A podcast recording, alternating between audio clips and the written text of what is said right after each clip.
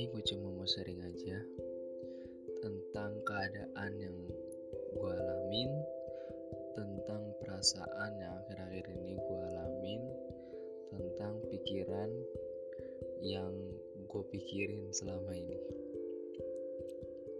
Sekarang gue juga udah 17 tahun dan mungkin ada dari kalian juga merasakan ya 17 tahun kata orang sih umur 17 tahun itu menyenangkan sekaligus menyakitkan di mana semua masalah tiba-tiba datang yang membuat diri kita pusing bukan kepala.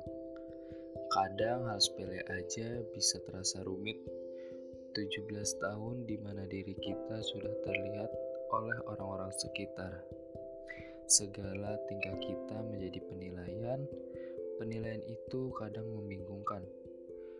Karena penilaian itu sendiri diri kita bisa berkembang atau semakin hancur.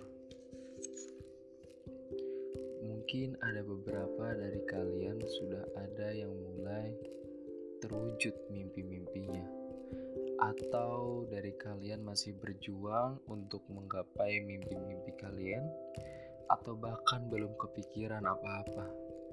Tenang, kalian gak sendiri, kamu gak sendiri.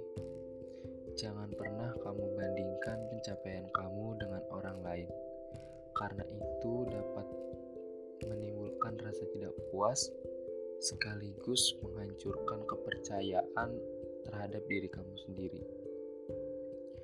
Fokus kembangkan diri kamu, lirik pencapaian orang lain seperlunya. Di usia sekarang kadang kita merasa masalah tidak ada habisnya dan menurut gua itu merupakan proses menjadi dewasa. Kita memikirkan banyak masalah yang kita pikirkan tidak ada ujungnya. Pahit jelas, pusing jelas, sakit jelas.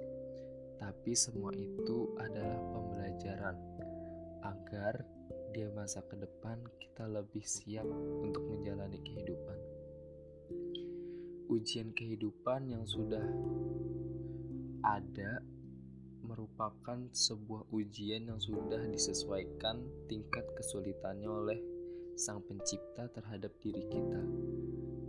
Dan kita harus percaya bahwa ada titik terang dari setiap masalah dan harus bisa memaknai sehabis gelap terbit terang. Selalu ada kebahagiaan yang sudah disiapkan oleh Tuhan.